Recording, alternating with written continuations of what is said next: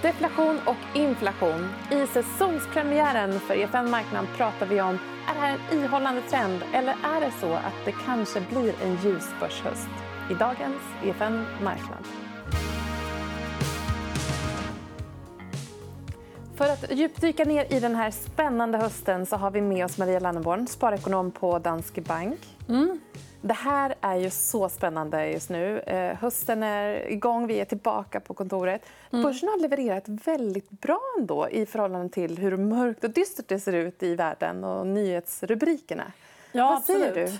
Ja, men jag tycker det har väl varit den stora saken i år. att Vi gick in i 2023 med ganska dämpade förväntningar. Räntorna hade stigit väldigt kraftigt. Det fanns en oro för en lågkonjunktur och hur det skulle påverka bolagen.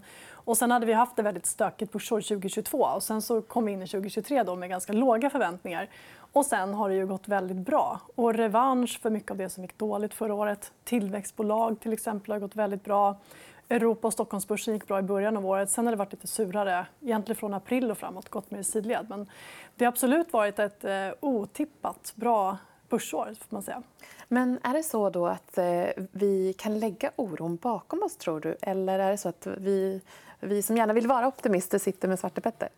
Ja, men det är inte säkert att vi sitter med Svarte Petter. Så jag är också försiktigt optimistisk. Och jag tycker att om man tittar på hur det sett ut i eh, ekonomin... Så arbetslösheten har förblivit låg. Optimismen har återvänt bland konsumenterna. och Det hjälper till också att vi sett en stabilisering på bostadsmarknaden och på börsen. Så ja, det talar ju för att ekonomin kan växa vidare. Jag menar, ökar sannolikheten lite för att vi får den här mjuklandningen där inflationen kommer ner och tillväxten håller uppe ja, men då bör vi kunna se en ganska hyfsad börsutveckling framför oss också. Sen ska jag säga att även om jag är optimistisk eh, så långt som man liksom kan försöka titta i spåkulan, vilket kanske är några kvartal så tycker jag fortfarande att alltså, vi har stramat åt väldigt mycket på kort tid. Och hur det här kommer påverka ekonomin om vi tittar 12-18 månader fram när hela åtstramningen börjar slå igenom och verkligen syns i kostnader för hushållen syns i kostnader för företag då får vi se det här är nog en prognos som, som kan revideras framåt. Men mm. Eh, här och nu så går det åt rätt håll. För att de som har en bra affär, vinstdrivande och så vidare, de bolagen har varit väldigt eh, motståndskraftiga. Mm. Medan vi har sett att de bolagen som har behövt finansiering exempelvis, där har det varit mycket tuffare. Och eh, differensen däremellan är ju större än någonsin. Tänker jag. Ja, på små och storbolag så har det varit en enorm skillnad. Jag menar, 2021 kunde man ju sätta vad som helst på börsen och det var väldigt lätt att få in kapital.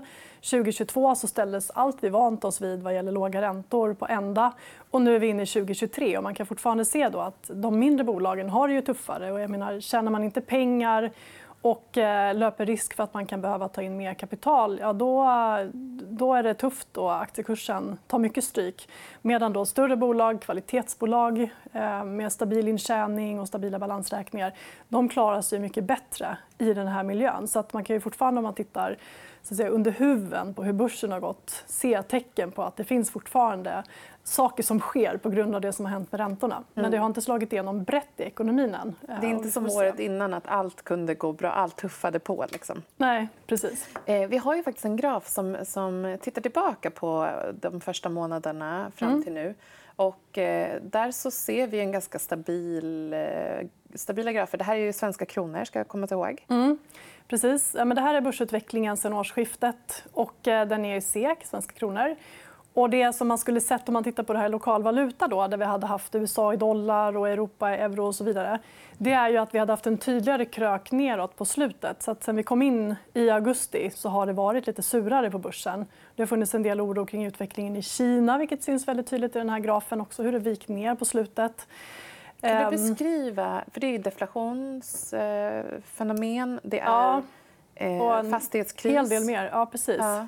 Ja, men Kina, jag tror det har varit en sån lång räcka med händelser som har tyngt Kina. Först när pandemin bröt ut så gjorde man ju rätt som det såg ut. Och man stängde ner och höll det här under kontroll och börsen gick jättebra. Men sen så har man fortsatt med de här stenhårda lockdowns. Eh, man har helt dämpat konsumtionen eh, och gjort att framtidsförtroendet bland konsumenterna varit jättesvagt. Sen har vi bostadsmarknaden. Många äger sin bostad. och När det tar tvärstopp där och priserna sjunker så påverkar det sentimentet. Och sen har vi fastighets eh, marknaden. Man reglerade ju väldigt hårt för fastighetsbolag och eh, fastighets och bostadsutvecklare vilket då slog mot några av de här absolut största utvecklarna. Vi ser fortfarande hur det skakar. Eh, den senaste där Country Garden. Ehm, så eh, det finns fortfarande problem. Och, är det inte oroväckande då om vi ser på den här grafen också? För Sverige är ju ett bottennapp. Ja, men här är Sverige ett bottennapp. absolut. Europa här ser ut att ha gått bättre men det beror på att kronan har försvagats mot euron. Så Europa är egentligen sämre än vad det ser ut här också.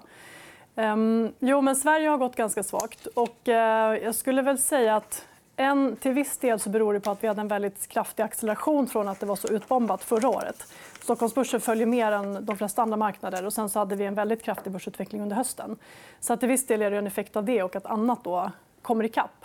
Men sen har vi haft fastighetskrisen och banker, oro alltså från utlandet. Jag tror man ser så fastighetsbolagen... Ja, precis. Alltså man, ser fastighets... man har ju mest sett SBB. Men sen så drar man slutsatserna till att svenska fastighetssektorn kan vara i gungning. Man är orolig för bostadsmarknaden och hög skuldsättning, korta bindningstider på lånen.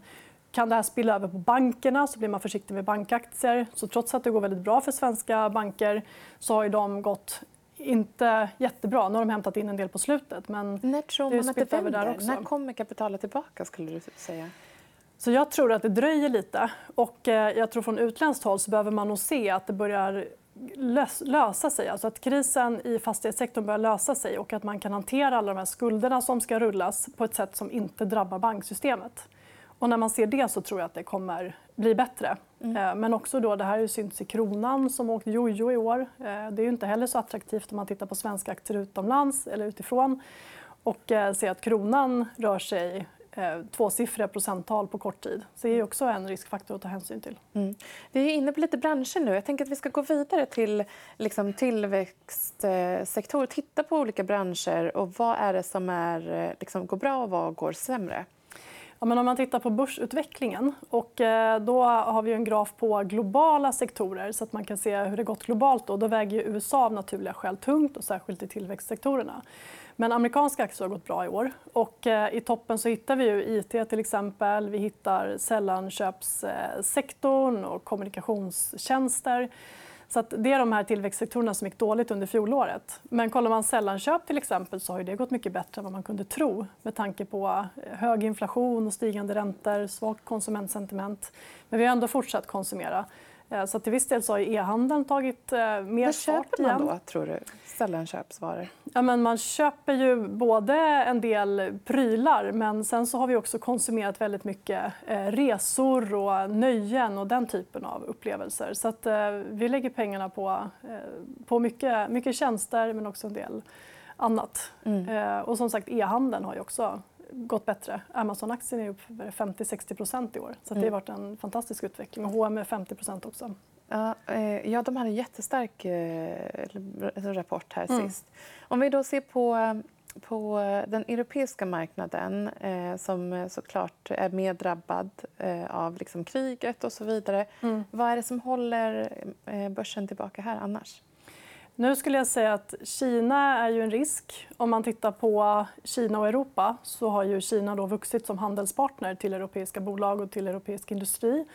Under de senaste decennierna så har Kina blivit viktigare och viktigare. Och, eh, är det mycket fordonsindustri då? Eller? Ja, det är ju, ja, eh, till exempel. Ja, men, alltså, hela industrin. Det är många svenska verkstadsbolag om man tittar som också har så förhållandevis stor verksamhet i Kina. Alltså man både producerar varor på den kinesiska marknaden och då har vi haft ganska hög osäkerhet kring, eh, kring hur situationen ser ut där och handelssituationen eh, till exempel. Ja, det sker en förändring när man lägger mer fabriker här. Ja, det gör det. Och man blir mer vaksam om sina egna produktionskedjor och är villig att betala ett högre pris för det också eh, för att då säkra, eh, säkra det geopolitiskt då, eh, med tanke på den osäkerheten som finns i Kina. Men eh, jag skulle säga att Kina är en sak. Sen så har vi ju energipriser. Frågan är vad som kommer hända med, med energipriserna när vi kommer in i vintern igen. och Det kommer bero lite på väder och sådär. Sen står de mycket lägre än för ett år sedan. Så att förhoppningsvis så ska vi inte ha samma situation som vi hade förra vintern. Och nu har vi haft mer tid på oss att förbereda oss också. Men eh, det ser Även stöd lite... från liksom samhälls, eh, ja, samhällsstöd ja. så brett. Ja, men precis. Som kanske underlättar likviditeten för hushållen. Mm. Eh, men USA då? Eh, väldigt starkt. Mm. Eh, någon kommentar där? Det är liksom ett litet mellanår ändå utifrån politiskt håll och sådär. Ja, men USA skulle jag säga, det som är, ligger till grund för att det fortfarande har gått ganska bra eh, ekonomiskt om man tittar på, på BNP-tillväxt och att vi fortfarande håller liv i tillväxten och att vi konsumerar så handlar det mycket om arbetsmarknaden. Och för amerikansk del så har den varit väldigt stark. Låg arbetslöshet. Det skapas hela tiden nya arbetstillfällen i den amerikanska ekonomin. Vi har haft fler arbetssökande än vad vi har haft lediga jobb. Och eh, det där gör ju också att vi får Eh, förtroende eller får eh, självförtroende att, att fortsätta våga konsumera. Samtidigt som det också har ett minus för att man vill ju stävja den där starka arbetsmarknaden mm. något mm, utifrån ett inflationsperspektiv. Ja, exakt. Och det är ju det som Fed har ägnat sig åt nu under 18 månader, att försöka stävja det där. Och vi börjar ju se tecken på att arbetsmarknaden bromsar in lite grann, att det inte skapas lika många nya jobb varje månad. Antalet lediga jobb har minskat. Så att, eh, viss effekt har det haft, men den är ganska liten. Och samtidigt då så är det också så att alltså, man vill ju inte se någon kraftig inbromsning på arbetsmarknaden där vi får någon sån snöbollseffekt och det blir försämras snabbt. Utan vill man ha den här mjuklandningen då vill vi se en, en gradvis inbromsning som gör att löneökningarna avtar och att chansen ökar att vi kommer ner mot 2 inflation igen. Mm. Vilka branscher, om vi tittar då liksom, kanske i USA, eh, skulle du säga står starkt framåt? Men jag tror att en fördel om man tittar på USA ur ett eh, investeringsperspektiv det är ju dels att på den amerikanska aktiemarknaden så har vi eh, mycket kvalitetsbolag. Och sen så har vi de här IT-bolagen eller de tillväxtbolagen och stora techbolagen som också har en, strukturell tillväxt. De är inte bara konjunkturberoende utan det finns också en tillväxt som är kopplad till vårt eh, digitala beteende till exempel. Så det skulle jag säga är en, en fördel för USA. Och sen också att konsumenterna mår bra. Och inflationen kommer ner. så att det här problemet som vi hade med negativa reallöner där inflationen var långt högre än löneökningarna, det avtar också. Mm. Eh, så det är ju absolut en, en styrka. Men då, då kommer vi tillbaka till eh, telekommunikationstjänster eh, till exempel. Sällanköpshandeln går ju också bra fortfarande. Så att jag skulle titta åt, åt det hållet. Då. Mm. Eh, inflation, inflation, inflation. Alltså, vi är ju väldigt less på det ordet mm. nu. Jag tror, mm. Om man inte visste vad det var liksom, för ja. ett, ett och ett halvt år sedan så vet ju eh, treåringen hemma ja. vad det betyder i dagsläget. Mm. Eh, vi har en kurva som ändå visar en tydlig trend att det är ju någon form av avmattning. Ja, Absolut. Ja, men om man tittar på eh, grafen över amerikansk inflation så kan vi se då att den eh, lila ehm, eh, grafen har kommit ner. Vi låg på 3,2 förra gången som vi fick inflation eh, siffror från USA. Och då är det framför allt då energipriser som har fallit tillbaka och även varupriser som inte ökar lika snabbt längre. Men det som är kanske mer oroande det är om man tittar på de blåa staplarna som då visar tillväxten i tjänstepriser som ligger på 3,5% fortfarande. Så att, det här hänger ju ihop. Alltså om man tittar på den amerikanska ekonomin så går ju just tjänstesektorn väldigt starkt. Och så ser det ut egentligen överallt. Vi konsumerar tjänster efter pandemin. Så att tjänstesektorn går starkt och det gör att eh, löneökningarna sker framförallt i tjänstesektorn och vi ser att priserna på tjänster ökar. Mm. Så att det är det här som man nu väntar på att den också ska börja krympa. Men så länge löneökningen ligger på 4,5% så finns det ju risk att priserna fortsätter öka. Men den här tjänstesektorn i Europa och i Sverige går inte lika starkt? Nej, den går inte lika starkt. och Vi har sett en tydligare inbromsning här. Eh, har vi gjort. Så det, det, är ju mer tryck i, i USAs ekonomi. Och man kan också se om man tittar på eh, överraskningsindex. Så man tittar på hur makrostatistiken kommer in relativt förväntningarna att i USA så har vi under en lång tid nu sett att ekonomisk data hela tiden fortsatt överraska på uppsidan jämfört med estimaten. Medan i Europa då så eh, fick vi en, en kraftig positiv överraskning under vintern som drev på börsen. Men sen så har makrostatistiken kommit in svagare. Eh, och rapportsäsongen för europeisk del var inte... Alltså den, den var väl helt okej. Okay, men mm. eh, det var inga glädjerop. Vi har just en graf som visar det också här. Ja, precis. Och här kan vi ju se då, alltså det, och det faktum är att om man tittar på det här då i relation till börsutvecklingen så kan man se att då hur data kommer in och hur rapporter kommer in i relation till estimaten. Det tenderar att vara det som är drivande eh, för marknaden. Då. Så att om man tittar på Europa, som är den här svarta, så gick ju börsen väldigt, väldigt bra någonstans från botten där september, november fram till egentligen vårkanten här. Och då ser vi också att där hade vi väldigt tydligt att statistiken överraskade på uppsidan. Och på Kina också ser vi samma sak. Och börserna lyfte ju i slutet av året eh, till följd av att vi fick den här effekten av återöppningen. Då. Men sen har det där försvagats fort och vi ser också att de börserna har gått svagare. Så det är också en förklaring. En del eh, flaggar ju för, eller är oroliga för att Kina skulle ta liksom, och gå åt samma håll som Japan. Ja. Vad tänker du? Mm, jag tror att det är för tidigt att säga att vi skulle hamna där. Alltså om man tittar på likheterna, så menar Japan hade också en, en bubbla i tillgångspriser, börser som rusade och fastighetspriser som bara steg och då skuldsättning som hängde med och ökade. Och sen så när den där bubblan sprack så har man sen hamnat i en situation där företagen bara sparat och amorterat ner skulder och det har inte funnits någon, någon framtidstro. Löneökningarna har varit låga. Konsumenterna har inte eh, konsumerat och företagen har inte investerat. Och då får vi ingen tillväxt och så har det stagnerat. Och ju längre det ser ut så, desto mer sätter sig det i människors förväntningar. Mm. Och så fortsätter man uppföra sig på samma sätt. Och vem vågar ta det där första steget? Liksom, för... Ja, det måste ju hända någonting som gör att folk verkligen börjar se att de här nästa tio år kommer inte vara som de förra 30. Och det är ganska svårt att få till det. Men i Kina så har vi haft problemen, en, visserligen djupa problem då, men under en kortare tid. Så att jag skulle inte säga att det har satt sig i Kina som land att det alltid kommer vara så här eh, deppigt och att det är dit vi är på väg. Och sen så på tal om på deflation, då, vi har fått en siffra från Kina som visar på deflation. Men jag menar en månad, vi får se framåt. Då. Mm. Så viktigt Men, att följa eh, utvecklingen. Ja, och stimulanser blir ju väldigt viktigt. tror jag. Att man ser att Kina verkligen går in och gör någonting och stöttar upp konsumenterna och att man kan ge folk framtidstron åter och stabilisera det som händer i bostads och fastighetssektor, att det inte spiller över på banksystemet. Men där har de ett stort jobb att göra. Mm. Och vi som eh, svenskar vi sitter ju här och funderar. Kommer det komma någon höjning på eh, rän vår ränta liksom, och våra bolån? Eller ska, nu, alla känner, de flesta som inte har låst känner nog att det är lite för sent för det mm. i det här laget. Vad tror du? Eh, kommer det en höjning till? eller? En höjning till tror jag att det blir, oavsett hur nästa inflationssiffra kommer in. Vi har en kärninflation på 8% Det är alldeles för högt. Så en höjning till. Men sen så tror jag att man vid septembermötet så håller man säkert dörren öppen för att höja en gång till innan året är slut. Men sen i praktiken kommer det bero på, precis som för Fed och ECB, hur data kommer in. Och ser man då tydligt att inflationen avtar, att det går i rätt riktning, då tror jag att man vid årets sista möte då säger eh, fortsatt att man är på sin vakt men att det går i rätt riktning och att man då eh, avvaktar. Så jag tror en höjning till definitivt, men sen kommer man nog... Eh, jag tror att man toppar där.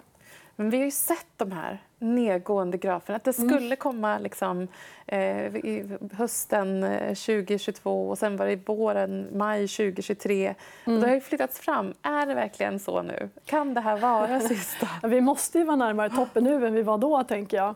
Men vi har ju kommit till räntor som ändå är tydligt åtstramande för ekonomin. Det tror jag alla är överens om. Och, eh, jag tror att centralbankerna börjar nå en nivå där man känner så att okay, vi kan ta något litet steg till. och så där. Men nu börjar man nog samtidigt vilja ge det lite mer tid och hinna se vad effekterna faktiskt blir. För vi vet inte hur det här kommer att ha slagit om, om sex månader eller tolv månader.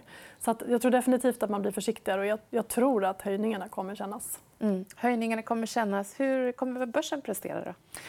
Ja, men om jag bara blickar fram eh, mot slutet av året här så tycker jag ändå att med tanke på liksom, momentum i ekonomin, att vi har jobb och att optimismen har återvänt till viss del så eh, bör börsen kunna utvecklas helt okej. Okay, tror jag. Sen behövs det nog en trigger för att den verkligen ska lyfta. Det skulle kunna vara stimulanser i Kina till exempel eller att vi tydligt ser att inflationen verkligen fortsätter ner. Men eh, jag tycker att det är mycket svårare att säga 2024. Vad händer då? Alltså, vi kanske blir optimistiska nu, så kommer vi in i nästa år. och Då kanske vi är där den här lågkonjunkturen kom till slut. Mm. Vi får se. Tack så mycket för att du var med i dagens program. och Vi ser fram emot någon form av positiv trigger. eller hur? Vi är tillbaka om ett par dagar. In på vår Youtube-kanal och följ oss även på Instagram, EFN Aktiekoll. Du har lyssnat på EFN Marknad, en podd som produceras av EFN Ekonomikanalen. Du hittar programmet även i videoformat på Youtube och på efn.se. Kom ihåg att prenumerera på podden och följ oss gärna på Instagram för fler aktietips. Där heter vi EFN Aktiekoll. Ansvarig utgivare är Anna Fagerström.